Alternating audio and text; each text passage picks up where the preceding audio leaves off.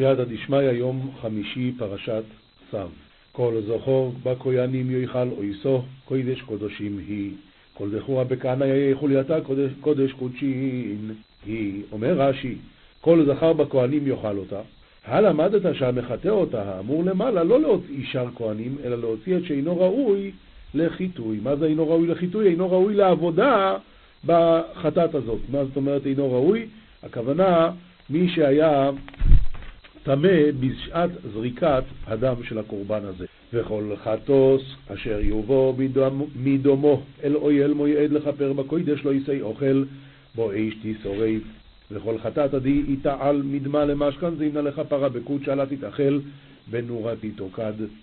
רש"י, וכל חטאת שאם הכניס מדם חטאת החיצונה לפנים, פסולה. וכל לרבות שאר קודשים. וזו הסתירה סו שום קודש קודשים הוא, ודאורייתא דא שמה קודש קודשין הוא, רש"י קודש קודשים הוא, הוא קרב ואין תמורתו קריבה. מה הדין אם אחד אמר זה תמורת זה, אז זה נשאר קדוש, התמורה גם קדושה, אבל לא קריבה. אבל מה עושים איתה? אה, תראה עד שתסתאב, והכוונה שיפול במום, ואז יימכר, הדמים שלה יפלו לקורבן הדבה לעולם.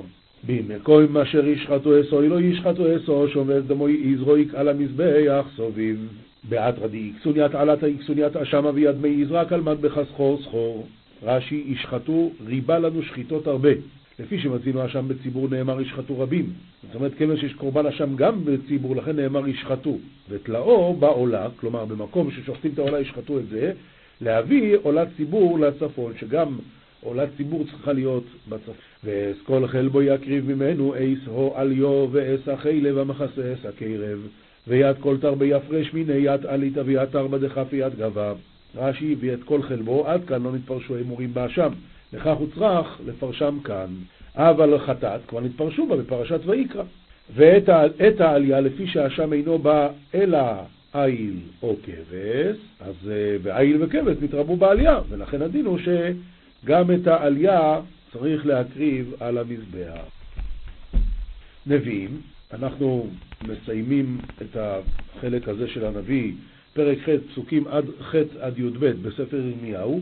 איכה תאמרו חכמים אנחנו בתורת אדינוי איתנו, אכן הנה, הנה לשקר עשה את שקר סופרים. איך דין תאמרון חכים מן הנחנה ועל אורייתא עד אדינוי הנחנה רחיצין. וכן הלשיקרא עבד ספר קולמס דשקר לזייפה. רש"י, הנה חוכמתכם לשקר בכם. עשה את שקר סופרים נביאכם. אתם אומרים שיהיה בסדר, יהיה בסדר, מה אתם לוקחים את זה? זה הכל שקר. הובישו חכמים חטו וילכדו, הנה דבר אדונו, בדבר אדונו ימאסו וחוכמת מה להם. בהיטו חכימיה יתברו ויתאחידו, אה בפתגם עד אדונו יקצו וחולק בחוכמתה לית להון. אומרת, תתביישו לכם, תתביישו. ככה אתם מדברים, הכל יהיה בסדר, אנחנו יש לנו את התורה, מה, מה לך ולתורה בכלל? אז זה הזכיר לי, כתוב כאן בחוכמת מה להם. מה זה בחוכמת מה? כאילו, אין להם חוכמה. נזכרתי שהבייס ישראל מגור, שהגיע ללוויה של רב חצלה ברמסקי, אז uh, מישהו אמר שם, נו, דור הולך ודור בא. אז הרב מגור אמר לו, דור הולך ודור ב. מתכוון להגיד, מה אתה מדבר, מה ההשוואה בכלל בין הדור הקודם לדור הזה? דור הולך ודור ב. לכן אתן את נשיכם לאחרים שדותיהם ליורשים, כי מקטון ועד גדול כולו בוצע בצע, מן אבי ועד כהן כולו עושה שקר, וכן אתן יד נשי הון לאוכרנין, חקלת הון לעירותין, הרי מן זעירא ועד רבא כול הון אנשי ממון מספר ועד כהן, כול הון אבי שקר. וירפו את שבר בת עמי על דקלה לאמור שלום שלום ואין שלום, ועשיהו יתבר כנישתא דעמים במילי שקריון למימה שלמה שלמה ולית שלם. אומרים, הכל יהיה בסדר, יהיה בסדר, יהיה בסדר, אין שלום. הובישו כי תועבה עשו וגם בוש לא יבושו ויקלם לא ידעו לכן יפלו והנופלים בעת פקודתם ייכשלו אמר אדוני עליהון במבהת הרי תועבה עבדו אף מבהת לית אינון בעתין ויתנאו לית אינון ידעין. וכן יתרמון קטילין בעידן דעשאר עליהן חוביון יתקלון אמר אדוני כן, התרגום כאן, זאת אומרת ההסבר כאן אומר, יבוא עליהם בושה וכלימה כי עשו תועבות מאוסות ולא התביישו במעשיהם לשוב בתשובה. אם לפחות מתביישים אז עושים תשובה, לא מתביישים, יהיה בסדר. לכן יפלו בין הנופלים וכאשר יפקוד אזכור להענישם ייכשלו, עומר הקדוש ברוך. כתובים, משלי פרק כ"ג פסוקים ב' עד ו', ושמת סכין באלוהיך עם בעל נפש אתה, אתה, ותשים סכינה באלוהיך עם מראה דנפשך את. אומר רש"י שזה הולך על הפסוק שלמדנו אתמול בסוף השיעור. אתמול הפסוק האחרון שלמדנו היה ש"כי תשב ללחום את מושל בן דוד ותשר לפניך", תראה אם, אם הוא נותן את זה בטוב לב או שהוא ככה מתקמצן על כל, על כל פרוסת לחם. עכשיו, אם אתה רואה שהוא באמת מתקמצן, אם ראית עינו צרה, אז אל תאכל משלו. אם בעל נפש אתה, תאב לאכול, אל תאכל משלו. אל תתאב למטעמותיו, והוא לחם כזבים. לה תתרגג לבישולוי, והינון מיכולתא דקדבותא. אל תתאב, אל תתאווה. אל תיגע להעשיר מבינתך חדל, לה תקרב להתירה, אלא בביונתך פרק מיני. אומר רש"י, אל תיגע להעשיר לעשות גרסתך חבילות חבילות, סוף שתשכחם. אתה לומד המון המון המון בלי לחזור, תשכח את זה. או מבינתך שאתה מבין, חדל מדבר זה. התעיף עיניך בו ואיננו, כי עשו יעשה לו כנפיים, כי נשר יעיף השמיים, יעוף השמיים. אם תיצר עינך בי, לת מתחזי לך, מתול דמי בדוד לי גפתא, איך נשרא דתייס בשמיא. אומר רש"י, התעיף עיניך כרגע, שתכפול עיניך לעוצמו ואין אותה גרסה מצויה בך. זאת אומרת, אם אדם מפסיק ללמוד, התעיף עיניך בו, זה, הגמרא דורשת את זה על דברי תורה, שקשה לקנותם ככלי זהב, וקל לאבדם ככלי זכוכית דקה. לשנייה, התעיף עיניך בו ואיננו. פסוק אחרון להיום, אל תלחם את לחם רע עין, ואל תתאב למטעמותיו. לה תאכול עם גברא דבישא עיני, ולה תתרגג לבישולוי. בעצם זה חוזר על מה שלמדנו את, אתמול והיום, שאדם שאינו צרה, אל, אל, אל תרצה את האוכל שלו, זה לא, אין בזה ברכה, זה לא טוב הדברים האלה. משנה, מסכת מנחות, דף, אה, פרק י"א. אומרת המשנה, שתי הלחם נילושות אחת-אחת, ונאפות גם כן אחת-אחת. מדברים על שתי הלחם, שזה הקורבן שמביאים בחג השבועות. לחם הפנים, שזה כל שבוע עושים, וביום שישי מכינים את זה, ובשבת הבאה מקריבים את זה, אז לחם הפנים נילוש אחד-אחד, ונאפה שניים-שניים. ובדפוס היה עושה אותן בתבניות, וכשהוא רודן, אז נותנן בדפוס כדי שלא יתקלקלו. ורש"י בחומש אומר שהדפוס האחרון, זאת אומרת זה ששמו את החלות, את הלחם, אחרי האפייה, זה היה בזהב. ברב הוא אומר נמצא שלושה דפוסים הן, אחד כשהיא בצק, ואחד היה לה בתנור כשהיא נאפת, ואחד כשהוא רודה מן התנור נותנה בדפוס כדי שלא תתקלקל. אז אני אומר, הדפוס האחרון זה היה של זהב, ככה רש"י בחומש אומר בפרשת תרומה. משנה ב', אחד שתי הלחם ואחד לחם הפנים לישתן ועריכתן בחוץ, כלומר מחוץ לעזרה אפשר, ואפייתן דווקא בפנים, ואינן דוחות את השבת. רבי יהודה, מה זה אינן דוחות את השבת? לעשות את הלישה, לעשות את כל הדברים האלה, זה לא דוחה שבת. רבי יהודה אומר, כל מעשיהם בפנים, ולא, אין אפשרות לעשות את זה מחוץ לעזרה. רבי שמעון אומר, לעולם הווי רגיל לומר שתי הלחם ולחם הפנים כשרות בעזרה, וגם כשרות בבית פגי. אז הרב אומר, מה זה כשרות בבית פגי? הרמב"ם אומר שהוא מקום סמוך להר הבית מחוץ, ששם היו אופיו המנחות. מלשון פת בג המלך, אז זה הכוונה אה, בית פגי. ואין הלכה אלא כדברי תנקמה שאחד שתי הלחם ואחד לחם הפולים, לישתן ועריכתן בחוץ, ואפייתן בפנים. משנה ג' חביתי כהן גדול לישתן ועריכתן ואפייתן בפנים, הכל בתוך האזהרה, ודוחות את השבת. אז הרב אומר, למה הן דוחות את השבת? לפי שאי אפשר לעשות לישתו ועריכתו ואפייתו מאתמול, כיוון שזה ברגע שאתה מכניס את זה לכלי שרת, אז זה נפסל בלינה. אבל בלחם הפנים זה לא ככה, לא נפסל בלינה. טוב, ועכשיו ככה, זה הכל מה שאמרנו שזה דוחה את השבת, זה הכל מדברים על מה שאי אפשר לעשות אתמול. אבל תכונן והרקדן, לטחון ולהרקיד, לברור, זה ודאי שלא דוחה את השבת, אינן דוחות את השבת. כלל, כלל אמר רבי עקיבא, כל מלאכה שאפשר לה לעשות מערב שבת, אינה דוחה את השבת. ושאי אפשר לה לעשות מערב שבת, אז דוחה את השבת. כמו שאומרים לגבי ברית מילה. כל מה שיכולת לעשות ערב שבת, אתה לא יכול לעשות בשבת, אבל מה שאתה לא יכולת, כלומר לעשות את הברית מילה, זה מותר גם בשבת. משנה ד' כל המנחות יש בהן מעשה כלי בפנים, ואין בהן מעשה כלי בחוץ. מסביר הרב, יש בהן מעשה כלי בפנים במלאכתן, שנעשה בהן בפנים טעונים כלי, אבל המלאכות שנעשות בחוץ לא צריכות כלי. אבל עכשיו ככה, כיצד? שתי הלחם, אורכן שבעה טפחים, ורוחבן ארבעה טפחים. וקרנותיהן ארבע אצבעות. מה זה קרניים? מוסיפים להם כאלה גושים, כמו קרני המזבח, היה קרנות למזבח, אותו הדבר לשתי הלחם. שתי הלחם זה הקורבן של חג שבועות. עכשיו, הקרניים זה ארבע אצבעות, לא טפחים. עד עכשיו דיברנו על טפחים. אורכן שבעה טפחים, רוחבן ארבעה טפחים, אבל הקרניים זה ארבע אצבעות. לחם הפנים, אורכן עשרה, ורוחבן חמישה, וקרנותיו שבע אצבעות. רבי יהודה אומר, שלא תטעה, זדד יהז. רבי יהודה נותן בהם סימונים בהגדה של פסח, גם פה הוא נותן סימונים. מה הסימנים? זדד זה שתי הלחם, ז' זה שבעה טפחים, ד' זה ארבעה טפחים רוחב, וד' זה ארבע אצבעות קרניים. יהז זה הלחם הפנים, עשרה תפרים אורך, חמישה טפחים רוחב, ושבע, ושבע אצבעות קרניים.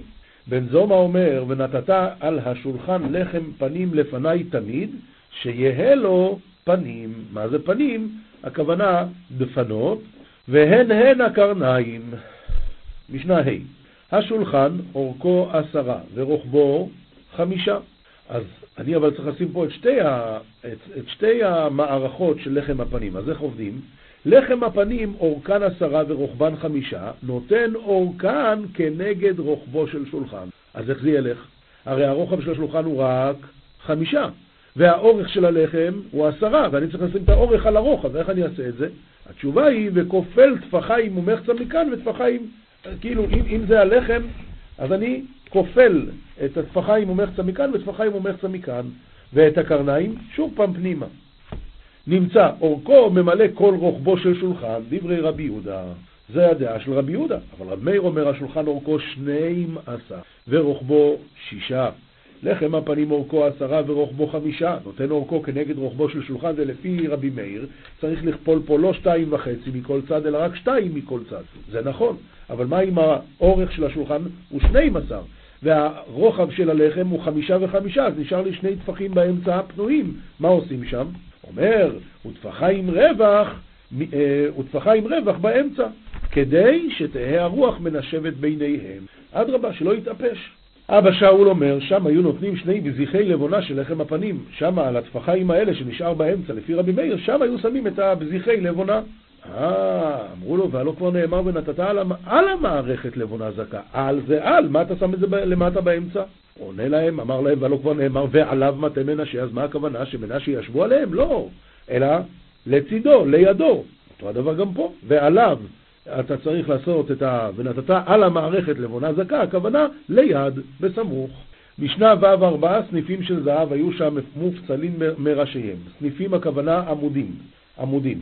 ועליהם, אז הם מפוצלים מראשיהם שהיו סומכים בהם. נקודה. עכשיו, שניים לסדר זה, ושניים לסדר זה. זאת אומרת, אם זה נניח שולחן לחם הפנים, אז שניים עומדים פה, ושניים עומדים פה, והלחם אה, שש, שש לחמים פה ושש לחמים פה. ועשרים ושמונה קנים, כחצי קנה חלול, ארבעה עשר לסדר זה וארבעה עשר לסדר זה. יש לי הרי שישה לחמים, אז אני שם ש... אחד, אה, את ה... אני שם את הקנים החלולים האלה, שניים. על השולחן עצמו, ואז על זה לחם. עוד שניים, ואז על זה לחם. עוד שניים, ואז על זה לחם. 14 בצד הזה, 14 בצד הזה. עכשיו, לא, כשאני לוקח את הלחם, אני צריך לקחת את כל השש לחמים ביחד. אז אני לא יכול שהסניפים יהיו פה, שהקנים האלה יהיו פה באמצע. עכשיו, להוציא את הקנים האלה בשבת אי אפשר, כי זה מוקצה, וזה לא דוחה את השבת. ממילא, יום שישי כבר היו צריכים להוציא את הקנים האלה, ומה עם זה שזה יתאפש בינתיים? הרי לא יהיה רווח ביניהם? לא נורא, יום אחד זה לא נורא. אז אומר, לא סידור קנים ולא נטילתן דוחה את השבת, אלא נכנס מערב שבת ושומתן ונותנן לאורכו של שולחן. את, ה, את, ה, את ה, הקנים האלה הוא מסדר ליד השולחן. כל הכלים שהיו במקדש, אורכן לאורכו של בית. משנה ז', שני שולחנות היו באולם מבפנים על פתח הבית, אחד של שיש ואחד של זהב. על של שיש נותנים לחם הפנים בכניסתו, ולמה על של שיש? כי זה ברזל, כי זה, כי זה אבן וזה לא יתאפש. ועל של זהב ביציאתו. למה בחז... ביציאה זה על של זהב? פשוט מאוד, בגלל שמעלין בקודש ולא מורידין. אז כשבאתי משיש עליתי לזהב, מזהב לזהב זה בסדר. ואחד של זהב מבפנים שעליו לחם הפנים, תמיד זה השולחן עצמו. ארבעה כהנים נכנסים כדי לשים את לחם הפנים. ארבעה כהנים נכנסים, שניים בידם שני סדרים של לחם הפנים, שש לחמים ועוד שש לחמים, ושניים בידם שני הבזיחין עם הלבונה. גם ארבעה מקדימים לפניהם כדי להוציא את הלחם הקודם, שניים ליטול שני סדרים ושניים ליטול שני בזיחין. המכניסים עומדים בצפון ופניהם לדרום. המוציאים עומדים בדרום ופניהם לצפון. אילו מושכין ואילו מניחין, ותפחוש לזה כנגד תפחוש לזה, שנאמר לפניי תמיד. מה זה לפניי תמיד? אין רגע שהשולחן יכול להיות בלי לחם. ולכן, תוך כדי, זה פשוט הולך ככה, אלה מוציאים ואלה מכניסים. רבי יוסי אומר, אפילו אילו נותנים ואילו מניחים, אף זו הייתה תמיד. לא צריך עד כדי כך, גם ככה זה נקרא תמיד. יצאו ונתנו על השולחן של זהב שהיה באולם, הקטירו הבזיחין והחלות מתחלקות לכהנים, אז מקטירים את המזיחים של הלבונה על המזבח, והחלות, הלחם, מתחלק לכהנים. חל יום הכיפורים להיות בשבת, אז אי אפשר לאכול. ממילא החלות מתחלקות רק לערב. חל להיות ערב שבת יום הכיפורים, השעיר של יום הכיפורים נאכל לערב. לאיזה ערב? מוצאי שבת. ערב שבת היה יום כיפור. את השעיר, איזה שעיר מדובר? שעיר, השעיר של מוסף, שהוא חטאת ונאכל לכהנים, הוא בעצם מוצאי יום כיפור יכול להיאכל, הבעיה היא ששבת ואני לא יכול לצלות אותו, איך אני אוכל אותו? לכן הוא נאכל לערב, הכוונה, אה, לכן הוא נאכל בערב, הכוונה, הוא אומר בלילי שבת, אני חושב שהכוונה מוצאי שבת, נאכל לערב, כן, הכוונה מוצאי שבת, שהרי הוא נאכל ליום ולילה עד חצות. אז אם יקרה, כן, אז הוא יכול לחכות עד מחר בערב. אבל, אומרת המשנה, הבבליים אוכלים אותו כשהוא חי מפני שדעתן יפה, הם מסוגלים לאכול אפילו בשר לא מבושל. משנה ח' סידר את הלחם בשבת ואת הבזיחין לאחר שבת. והקטיר את הבזיחים בשבת, מה הדין? פסולה. הוא לא עשה כמו שצריך להיות. סידר את הלחם בשבת ואת הבזיחים רק ביום ראשון. עכשיו, שבת הבאה יש לו כאן לחם שעמד שבוע, אבל יש לו בזיחים שעמדו רק שישה ימים. אז מה אני אעשה איתם? הדין הוא שזה פסול, ואין חייבים עליהם משום פיגול נותר וטמא. אומר הרב למה? פסולה דמחוסר זמן הוא, שלא היה על השולחן אלא שישה ימים. ואחא אי אפשר לתקן ולומר יניחנו עד שבת הבאה, דכיוון דלחם נסדר כדינו בשבת, אז אם הלחם יישאר על השולחן, אז זה כבר יהיה, זה כבר יהיה נפסל בלינה. ואין חייבים עליהם משום פיגול, אם הקטירן על מנת לאכול הלחם למחר, אינו פיגול, שלא קרב המתיר כמצוותו. ולא משום נותר, שוב, שוב אותו הדבר, שאין ראוי לאכילה ממילא. וטמא, גם לא חייבים עליו. למה? כי אין איסור חל על איסור. סידר את הלחם ואת הבזיחין לאחר שבת. אז שניהם לא בסדר. והקטיר את הבזיחין בשבת, הדין הוא שפסול. אז כיצד יעשה במקרה כזה? יניחנה את הבזיחים לשבת הבאה, שאפילו על השולחן ימים רבים אין בכך כלום. משנה ט' שתי הלחם נאכלות, אין פחות משניים ולא יותר על שלושה. זאת אומרת, לא פחות מש, משתי, משני ימים שהן כבר נמצאות, ולא יותר משלושה ימים. כיצד? נאפות מערב יום טוב. בשבועות עצמו אסור לאפות, אז רק מערב יום טוב. ונאכלות ביום טוב זה יומיים. אבל אם חל יום טוב להיות אחר השבת, אז גם בשבת לא יכולתי לאפות את זה. ממילא, נאכלות לשלושה. לעומת זאת לחם הפונים, בכל מקרה זה שמונה ימים הרי. אז לחם הפונים נאכל אין פחות מתשעה ולא יותר על אחד עשר. כיצד? נאפה בערב שבת ונאכל בשבת, אז זה כבר תשעה. אבל אם חל יום טוב להיות ערב שבת, אז נאכל לעשרה, כי כבר עשיתי את האפייה שלו ביום חמישי. שני ימים טובים של ראש השנה, אז נאכל לאחד עשר. ואינו דוחה לו את השבת ולא את יום טוב, ולכן שייך להיות שזה יהיה 11 יום שזה עמד. רבן שמעון בן גמליאל אומר משום רבי שמעון בן הסגן, דוחה את יום טוב ואינו דוחה את יום צום. את יום טוב זה כן דוחה, אבל את יום הכיפורים זה לא דוחה. אומרת הגמרא, מסכת מנחות דף צ"ט עמוד ב', תניא רבי יויסי אומר אפילו סילק את הישנה שחרית וסידר את החדשה ערבית, אין בכך כלום. זאת אומרת, לא רק שזה לא צריך להיות עד כדי כך צמוד שיוציאו את זה ביחד ויכניסו בבת אחת, אלא אפילו סילק את הישנה שחרית וסידר את החדשה ערבית, אין בכך כלום. אלא מה אני מקיים לפניי תמיד? שלא ילין שולחן בלא לחם. לילה לא יעבור כשזה בלי לחם. אומר רבי עמי מדבריו של רבי יוסי נלמוד, אפילו לא שנה אדם אלא פרק אחד שחרית ופרק אחד ערבית, יהיה מצוות לא ימוס ספר התורה, זה מפיך, כי זה נקרא תמיד. אומר רבי יוחנן משום רבי שמעון בר יוחאי, אפילו לא קרא אדם אלא קריאת שמע שחרית וערבית, קיים לא ימוש, ודבר זה אסור לאומרו בפני עם הארץ, כי הוא יבין שאם ככה מספיק אה, קריאת שמע, לא כדאי להגיד את זה. ורובה אמר, מצווה לאומרו בפני עם הארץ. למה זה מצווה? אומר הרש"י, זה סבר משום קריאת שמע נוטל שכר גדול כזה, כי אז תצליח דרכיך אם היה עוסק בתורה כל היום, כל שכן ששכרו גדול, וירגיל את בניו לתלמוד תורה. שאל בן דמה בן אחותו של רבי ישמעאל את רבי ישמעאל, כגון אני שלמדתי כל התורה כולה, מהו ללמוד חוכמת יוונית? עכשיו אני רוצה ללמוד עוד דברים. קרא עליו המקרוא הזה, לא ימוס ספר התורה הזה מפיך, והגית בו יומם ולילה. אמר לו, צא ובדוק שעה שאינה לא מן היום ולא מן הלילה, ולמוד בחוכמה היוונית. אבל אין שעה כזאת, אז אסור. ופליגה דרבי שמואל בר נחמני, דאמר רבי שמואל בר נחמני, אומר רבי יוינוסון, פסוק זה אינו לא חובה ולא מצווה, אלא ברכה.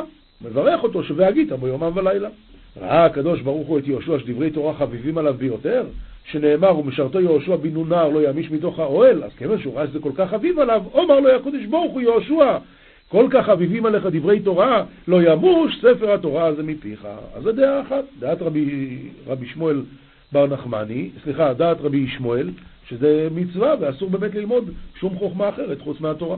תנא דבי רבי ישמואל, דברי תורה לא יהיו עליך חובה, ואי אתה רשאי לפתור עצמך מהם. מה זאת אומרת לא יהיו עליך חובה? זה כן חובה.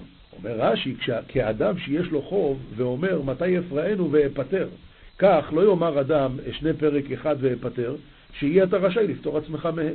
עומר חזקיה, מאי דכתיב ואפס איתך מפי צר רחב, לא מוצג תחתיה. בואו ראה, שלא כמידת הקדוש ברוך הוא מידת בשר ודם. מידת בשר ודם, האדם מסית את חברו מדרכי חיים לדרכי מיתה. מה זאת אומרת, איך הוא עושה דבר כזה? אומר רש"י, ואפס איתך הקדוש ברוך הוא ללמוד תורה כדי להינצל מהגיהנום, שפי הצר. והקדוש ברוך הוא מסית את האדם מדרכי מיתה לדרכי חיים. ההוא בא, אומר בוא נלך ביחד לפה, בוא נלך ביחד לשם, הוא רוצה להסיט אותך מדרכי חיים לדרכי מיתה, והקדוש ברוך הוא בדיוק הפוך אומר לך כל הזמן תעשה מצוות, תלמד תורה, בוא בוא תנצל מהגיהנום. שנאמר ואף הסיתך מפי צר מגיהנום שפי הצר שהשנה צבור בתוכה. שמא תאמר כשם שפי הצר כך כולה צרה, כל הגיהנום, תלמוד לומר העמיק הרחיב, בעומק זה רחב מאוד. ושמא תאמר למלך לא הוכנה, תלמוד לומר גם היא למלך הוכנה. ושמא תאמר אין בה עצים, תלמוד לומר מדורתה אש ועצים הרבה. שמא תאמר זהו שכרה, תלמוד לומר. ונחת שולחניך מלא דשא. אומר רש"י, שמא תאמר זה שכרה של תורה, שרק לא תגיע לגיהנום, לא. אבל שכר אחר לא, תלמוד לומר ונתת ונחת שולחניך מלא דשן, אתה תקבל הרבה הרבה שכר. רק דרך אגב גם תנצל מהגיהנום. זוהר, פרשת צו, דף ל"ה עמוד א', עד אהבו אז לאשכחו חד גברא דאה ואתי, ותלת ענפי הדס בידי. בשעה שהם הלכו בדרך, זה היה רבי אלעזר ורבי יסר ורבי חזקיה. אז הם ראו אדם אחד הולך ויש לו שלושה ענפי הדס ביד. אמרו לי, למה לך היי? הוא אמר, לרבך עובדה. זה, אני מריח את זה, אז נהיה לי טוב על הנשמה. אומר רבי אלעזר, שפיר כאמרת, אבל תלתי לין למה? בסדר, אבל למה שלושה?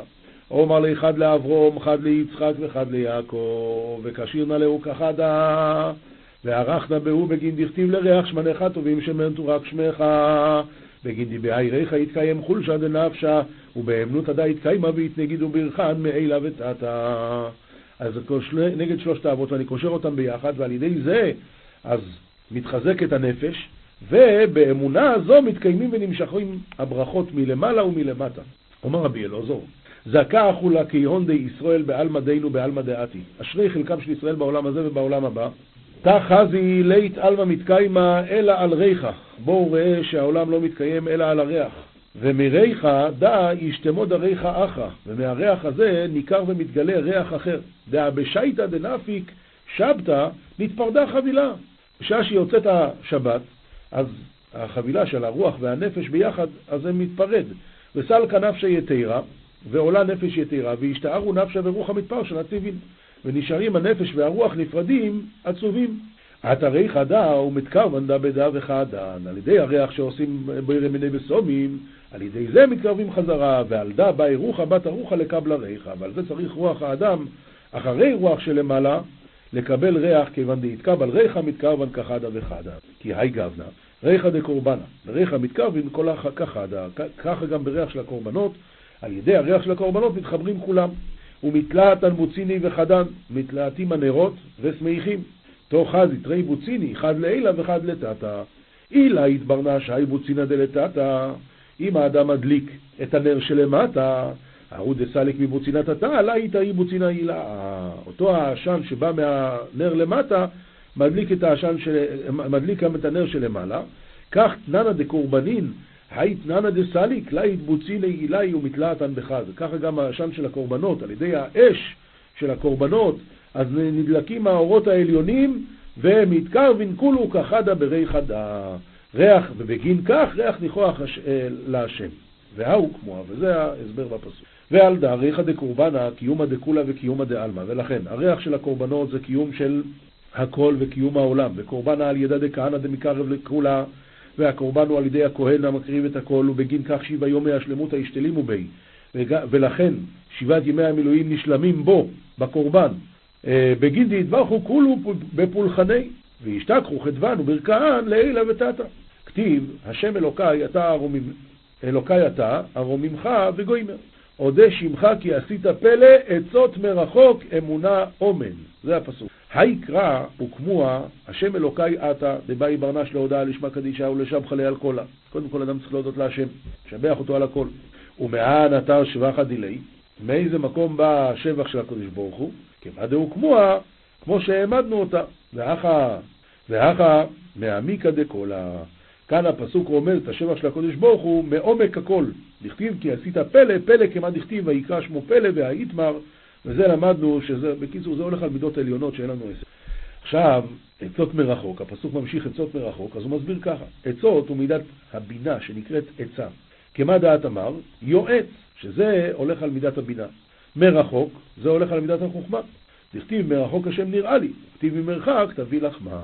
אמונה אומן, כמה דעת אמר, אל, אל, אמונה ואין עוול, והוקמה אמונה בלילה, שהמלכות נקראת גם כן לילה, כמה, שנה, כמה דעת אמר, ואמונתך בלילות, וכתיב חדשים ובקרים רבה אמונתך, וזמין קודש אבריחו לדקה אלון לישראל מחוביון הקדוש ברוך הוא, הוא, הוא רוצה לטהר את בני ישראל מעוונותיהם, כמו דכתיב וזרקתי עליכם מים טהורים וטהרתם מכל טומאותיכם ומכל גלוליכם אטהר אתכם, ברוך השם לעולם, אמן ואמן.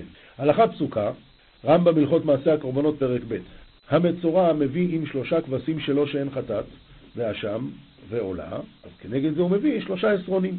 ומפי השמועה למדו שהם באים בכלל הזבחים שלו. עשרון עם כל כבש, ועלול ברביעית ההין שמן. ורביעית יין עם כל עשרון משלושתן, כשאר נזקי הכבשים, והמקריב את הפלגס מביא עמו נזקי איל, ולא עולה, ולא עולה לו לזבחו, כי זה פלגס, זה אה, לא, לא לפי הגיל שהתורה אמרה. ההין הוא שנים עשר לוג, וכבר הודענו שיעור הלוג עם מידות אחרות בהלכות העירובין. והעיסרון הוא העומר שהוא שיעור חלה, וכבר ביארנו שיעורו בעניין חלה. 43 ביצים וחומש. כשמודדים הנצחים או המנחות בין מנחת יחיד בין מנחת ציבור, אין מודדים אותו במידה של שלושה עשרונים לפר או של שניים לעין, אלא הכל מודד רק בעיסרון אחד שהיה במקדש. אתה צריך שלוש, תעשה את זה שלוש פעמים. נפקי מיני, שכל פעם אתה מוסיף קצת. וכן השמן של נסכים מודדים אותו במידתו שבקודש, ושמן של מנחת היחיד בלוג שבמקדש, כמניין העשרונות, כך מניין הלוגים. מוסר שערי קדושה חלק ב', שער ז', תפילה. אמרו אבותינו זיכרונם לברכה, שהוא מדברים שעומדים ברומו של עולם, וכמו שידעת כי היא גדולה מכל הקורבנות, שנאמר למה לרוב זיו. וכתיב גם כי תרבו תפילה מכלל שגדולה מהן. גם כי תרבו תפילה. הוא מדבר אחרי שהוא אומר שאת הקורבנות הוא לא רוצה, אז הוא אומר גם כי תרבו תפילה אני לא שומע. רואים שהתפילה יותר גדולה מהקורבנות. וכמו שהקורבנות מכפרים בתפילה, כמו שהקורבנות מכפרים, התפילה גם כן מכפרת עוונותיו של אדם. היו בספר הזוהר פרשת ויקל צלותא יקירה מכל פולחנין, מכל פורקנין. מזכי לחייו אמרו אבותינו זיכרונם לברכה, למה זכה אלקנה להעמיד שמואל ששקול כמשה ואהרון? מפני שהיה עולה לרגל ומעלה לבני אדם הרבה עמו ומזכה אותם. וכן שמואל בנו נוהג אחריו, כמו שנאמר, וסבב בית אל והגלגל ושפט את ישראל, תשובתו הרמתה כי שם ביתו. ואברהם לא זכה מכל מעלותיו, אלא משום ואת הנפש אשר עשו בחרן. וכתיב ואברהם, היו יהיה לגוי גדול וגוימר, כי ידעתיו למען אשר יצווה, ושמרו דרך השם. וכל ראשי הדורות אינם זוכים או אינם נענשים, אלא על סיבה זו, שמה? האם הם זיכו את הרבים או לא זיכו את הרבים. זה נקרא מזכי לחייו, אז זו מידה ענקית שעל זה מדבר פה המשערי קדושה. למה זכה אלקנה להעמיד שמואל, ששקול כמשה ואהרון, מפני שהיה עולה לרגל ומעלה לבני אדם הרבה עמו.